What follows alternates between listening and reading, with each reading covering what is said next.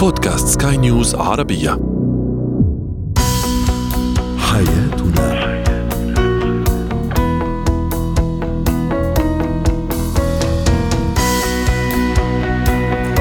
مستمعينا الكرام أهلا بكم معنا إلى حياتنا فضاؤكم اليومي الذي يعنى بشؤون الأسرة وباقي الشؤون الحياتية الأخرى والذي يمكنكم الاستماع إليه عبر منصة Sky News Arabia dot com slash podcast وباقي منصات سكاي نيوز العربية الأخرى. معي أنا امال شاب. نتحدث اليوم عن الغيرة الصامتة لدى الرجل. سنتحدث أيضا عن أهم الإسعافات الأولية عند إصابة الطفل سواء في المنزل أو خارج المنزل وأخيرا إتيكيت الزيارات المنزلية لأول مرة. هو وهي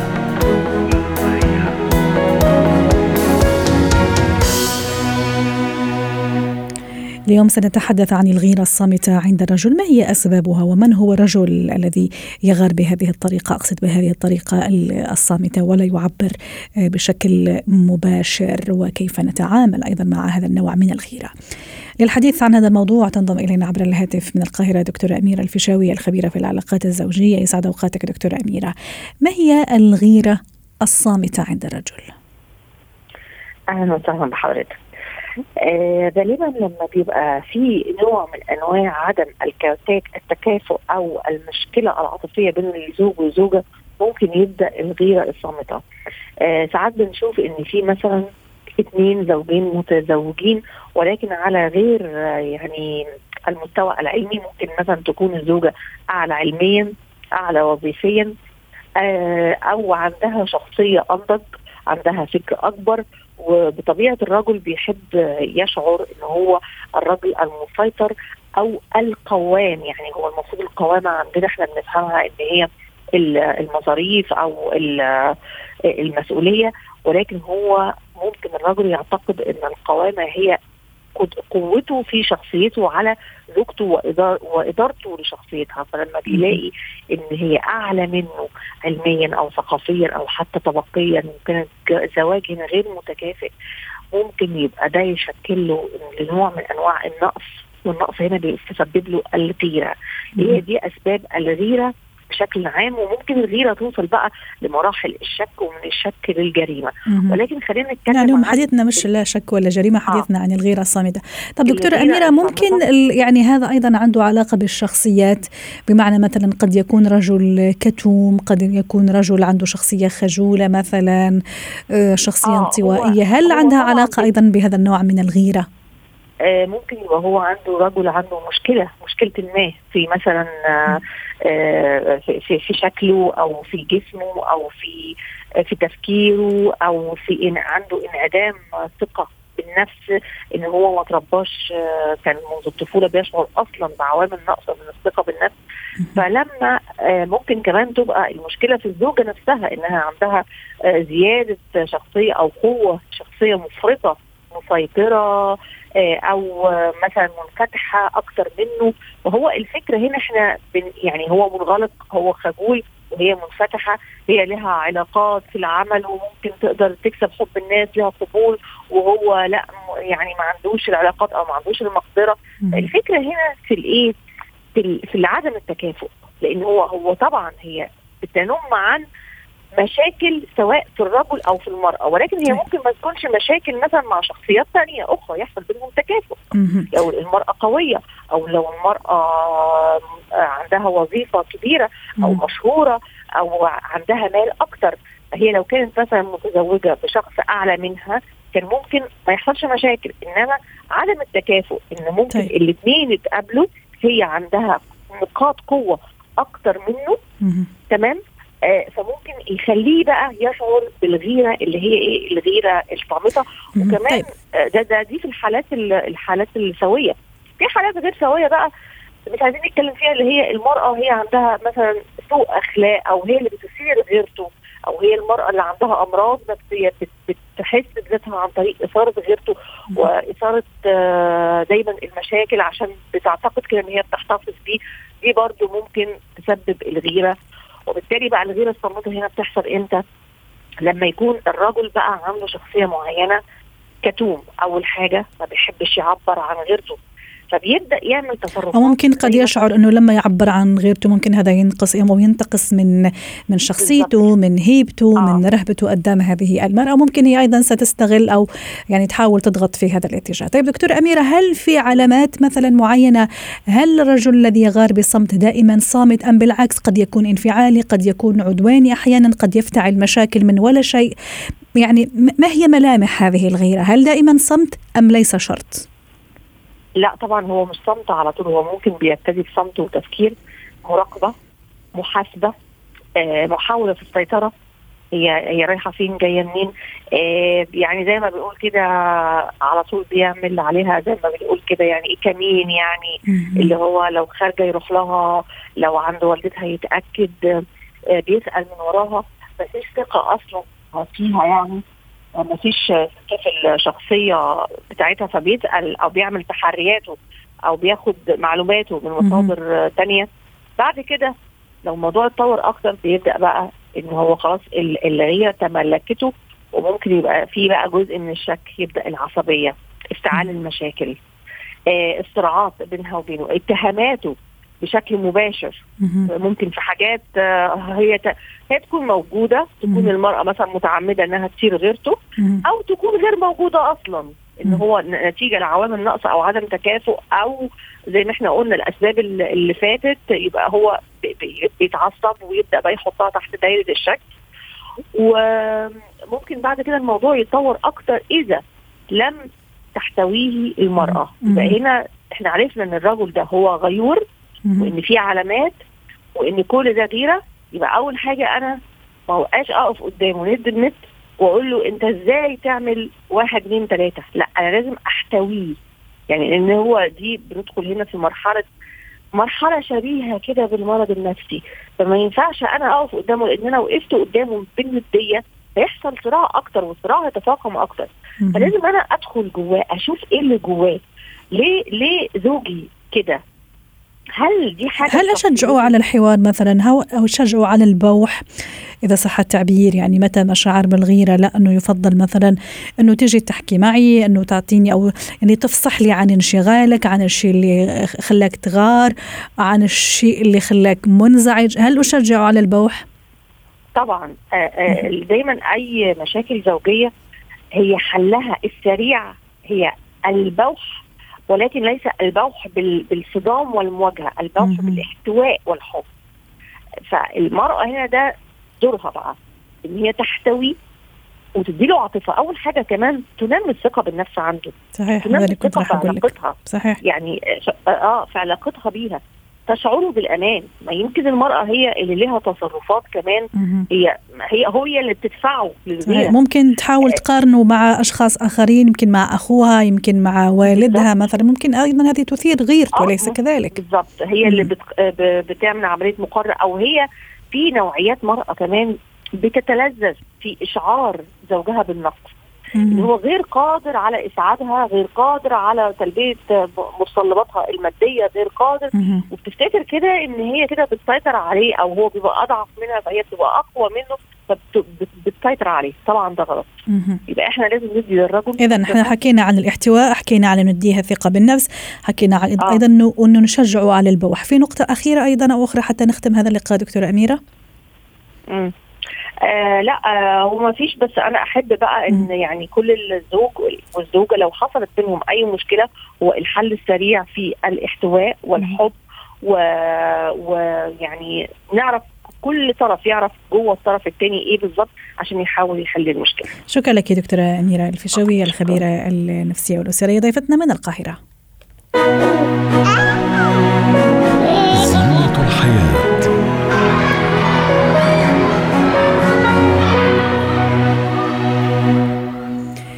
اليوم في زينة الحياة سوف نتحدث عن أهم الإسعافات الأولية لحوادث الأطفال داخل البيت أو خارجه.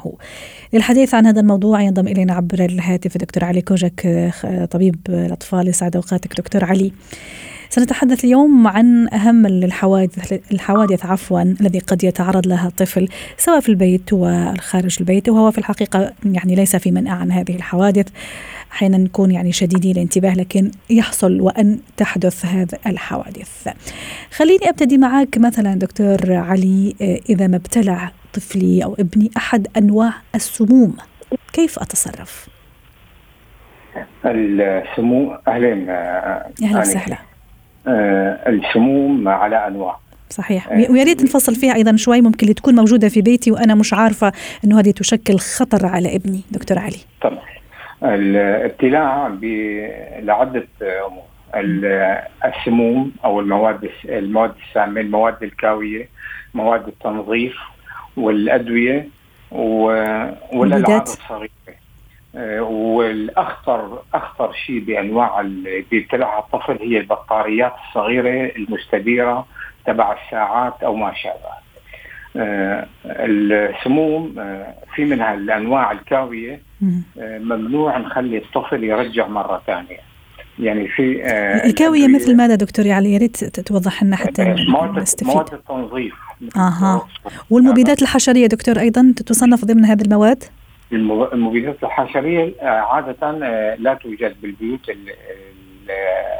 المبيدات السامة جدا. المبيدات الحشرية توجد بالمزارع أو بالحقول.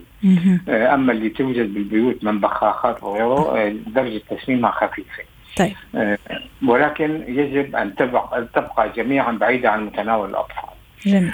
في عندنا أول شيء البطاريات. إذا بلعها الطفل لازم فورا نخليه يرجعها وإلا آه، طبعا كيف ما نخلي الطفل يرجع؟ يا أما بنحط ايدنا آه، الأصبع أصبع الأم بفمه حتى توصل عند الحلق أو اللوز.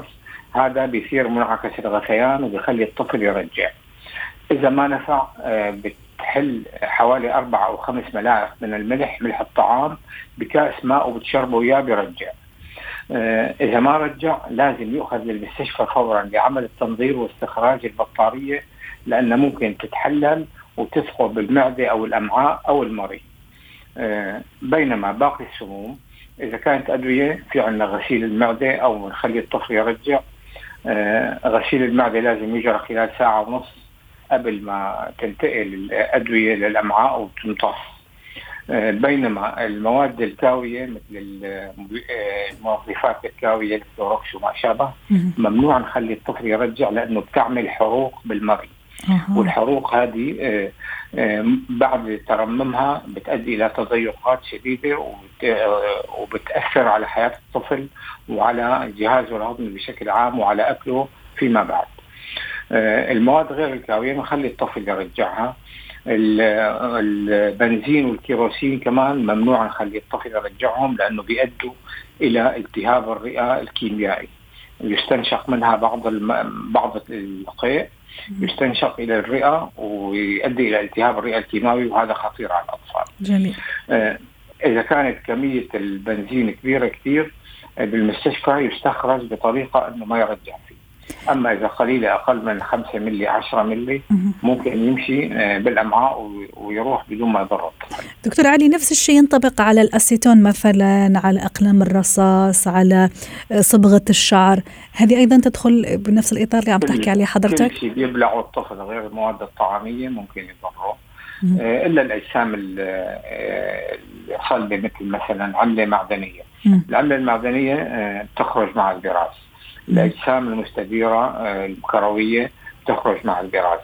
إذا كانت ما بتضر وما بتتحلل. ألعاب الأطفال كمان آه، يجب أن لا نعطي الطفل لعبة آه، بحجم صغير بحجم الزيتونة مثلا. لأنه هذه ممكن يشرق فيها وتروح لمجرى الهواء وتخليه يختنق. المأكولات اللي فيها كمان قطع صغيرة مثل البوشار مثل الفستق كمان ممكن يشرق فيها ويختنق فيها.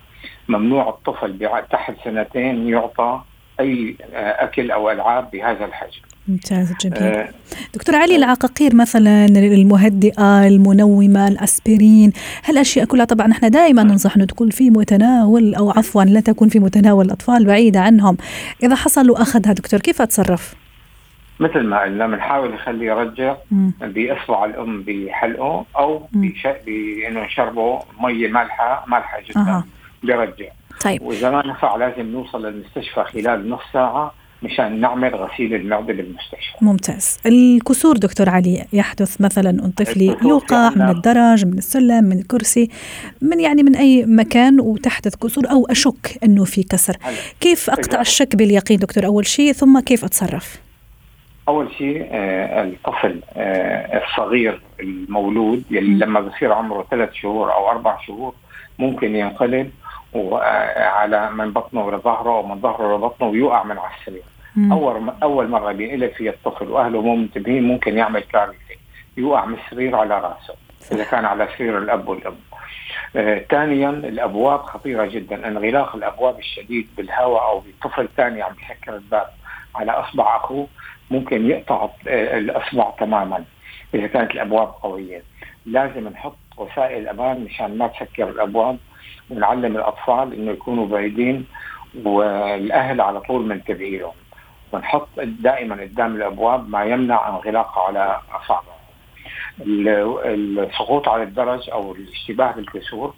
الطبيب بيكشفوا بالفحص وبياخذوا ال- الأهل الطفل للمستشفى.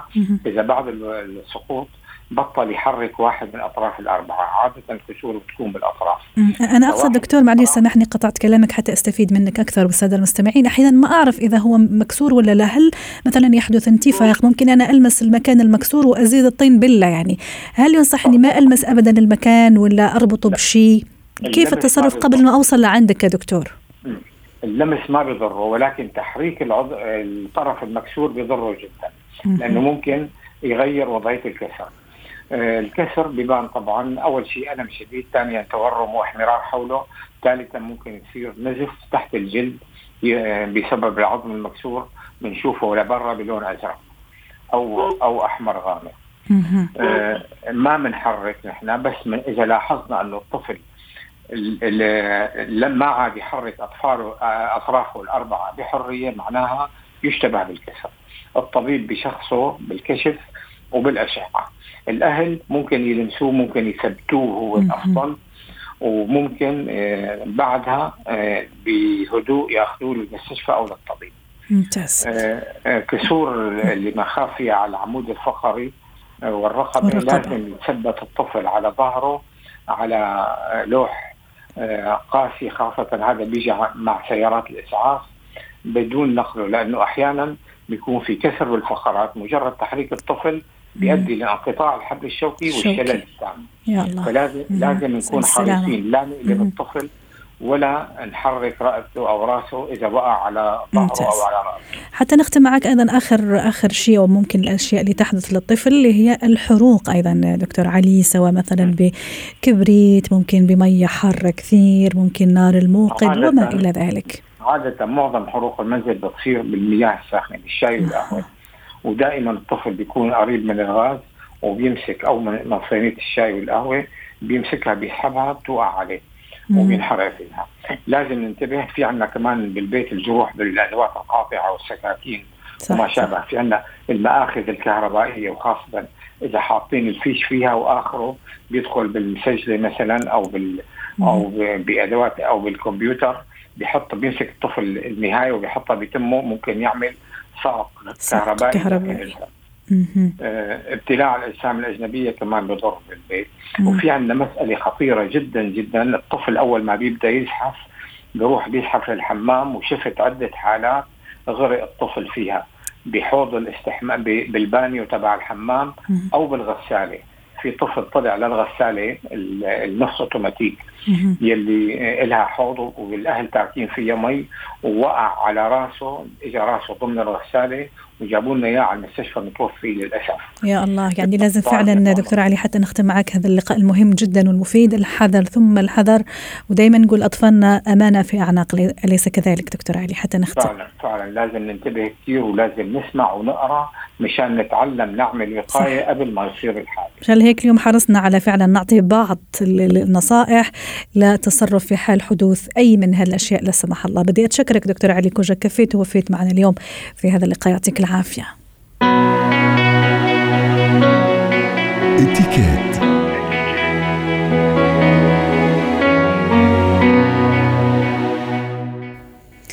اليوم في اتيكيت سنتحدث عن اتيكيت الزيارات المنزلية لأول مرة للحديث عن هذا الموضوع. تنضم إلينا عبر الهاتف من القاهرة سلوى عفيفي خبيرة الاتيكيت. يسعد أوقاتك أستاذة سلوى. اليوم أنا معزومة في بيت في بيت ست سلوى. لما لا؟ ولأول مرة أنا أروح لبيتك مثلا وجاية لبيتك. ما هو ما هي اتيكيت التصرف آه، لما أزور شخص لأول مرة في بيته؟ يسعد أوقاتك أستاذة أمان. والله يشرفني إنك تزوريني الله يزيدك شرف الله يزيدك شرف. والله.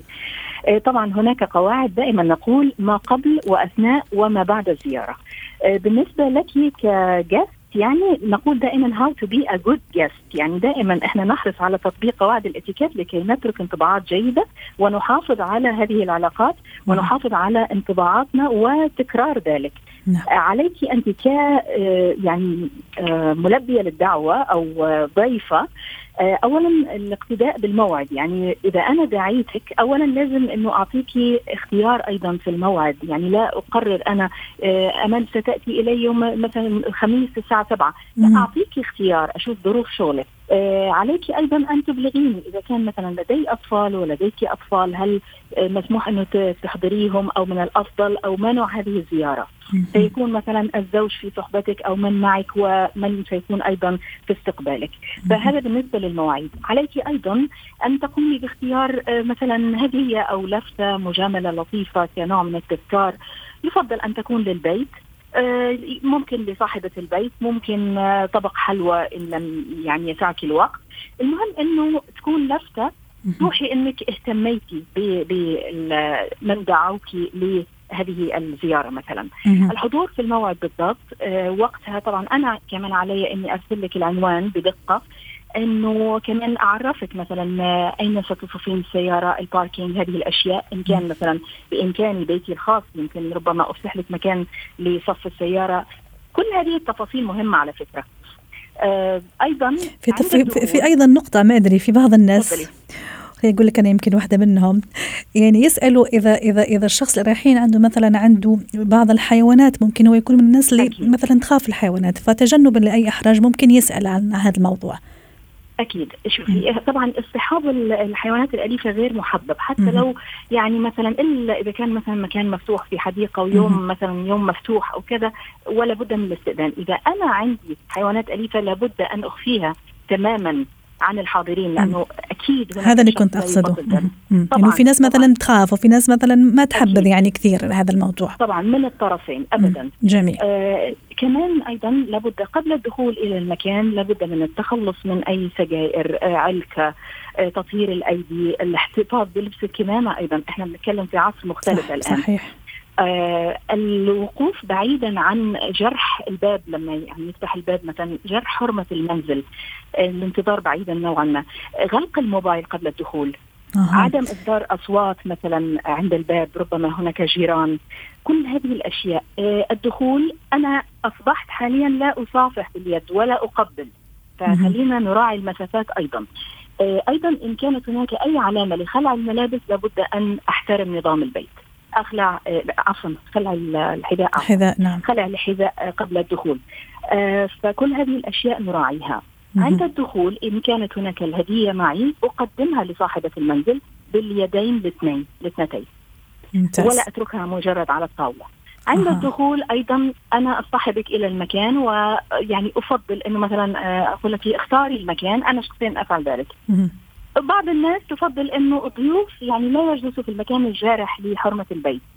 ممكن. فعند الجلوس أيضا على الضيف ألا يتفقد كل مثلا آه. ديكورات المنزل أو يطلع إلى السقف والثريات والمش عارفة إيه ممكن بعض الناس يقتحموا المكان ممكن يروح ليشوف المطبخ ممكن يشوف الغرفة الثانية ممكن طبعا. يطلع للحديقة من غير ما أنا أأذن بذلك يعني كصاحبة البيت يعني. آه. لا طبعا إطلاقا. مثلا لو إحنا مثلا في صحبة وفي ألفة وفي محبة ممكن بيتي جديد ممكن أدعوك أمل تفضلي معي تعالي أفرجك على البيت مثلا أو أوريك البيت. هذا خاص يعني. آه غير ذلك أجلس في مكاني يعني في مثلا في مكان الاستقبال أو في الصالون الاستقبال أو كذا. آه أيضا علي أنا مثلا كمضيفة أن أكون يعني في, في استعداد من قبل أني محضرة مثلا أدوات الضيافة وادوات التقديم حتى لا أستغرق وقت إنه أستقطع من الوقت اللي حستمتع فيه معاكي. أقدم مثلا الشوكولاتة أو الحلوى أو التمر. ربما عصير دائما أفضل وجود الماء والمناديل الورقية دائما وعند تقديم الشوكولاتة أو التمر أيضا يفضل تقديم المنفضة أو شيء للتخلص من هذه البذور أو الورق وما شابه. عليك أنت أيضا مثلا آه والله ممكن أخيرك لو في نوع معين من العصير أو بما يتوفر لدي. يعني يفضل دائما نقول للمضيف كمان آه، مش تحب تشرب إيه؟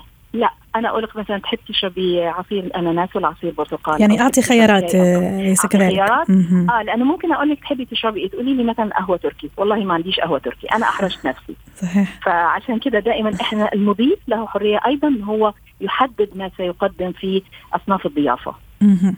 وحتى نختم أيضا ست سلوى عند المغادرة. أيضا هل في إتيكيت معين؟ خلاص أنا آه، جيت واستمتعت وكانت أول زيارة نعم. وفعلا يعني يعني عملت كل هالأشياء. هل في إتيكيت معين؟ آه، حتى مثلا آه، يعني اودع الشخص باختصار شديد. طبعا طبعا. لابد أن تشكرين. ولا مانع ابدا انه تبادري تقولي يا ريت تردوا لنا الزيارة. أها. سنتفق على ذلك فيما بعد. مثلا جميل. أو تعزميني برا حسب مقدرتك وحسب ظروفك يعني.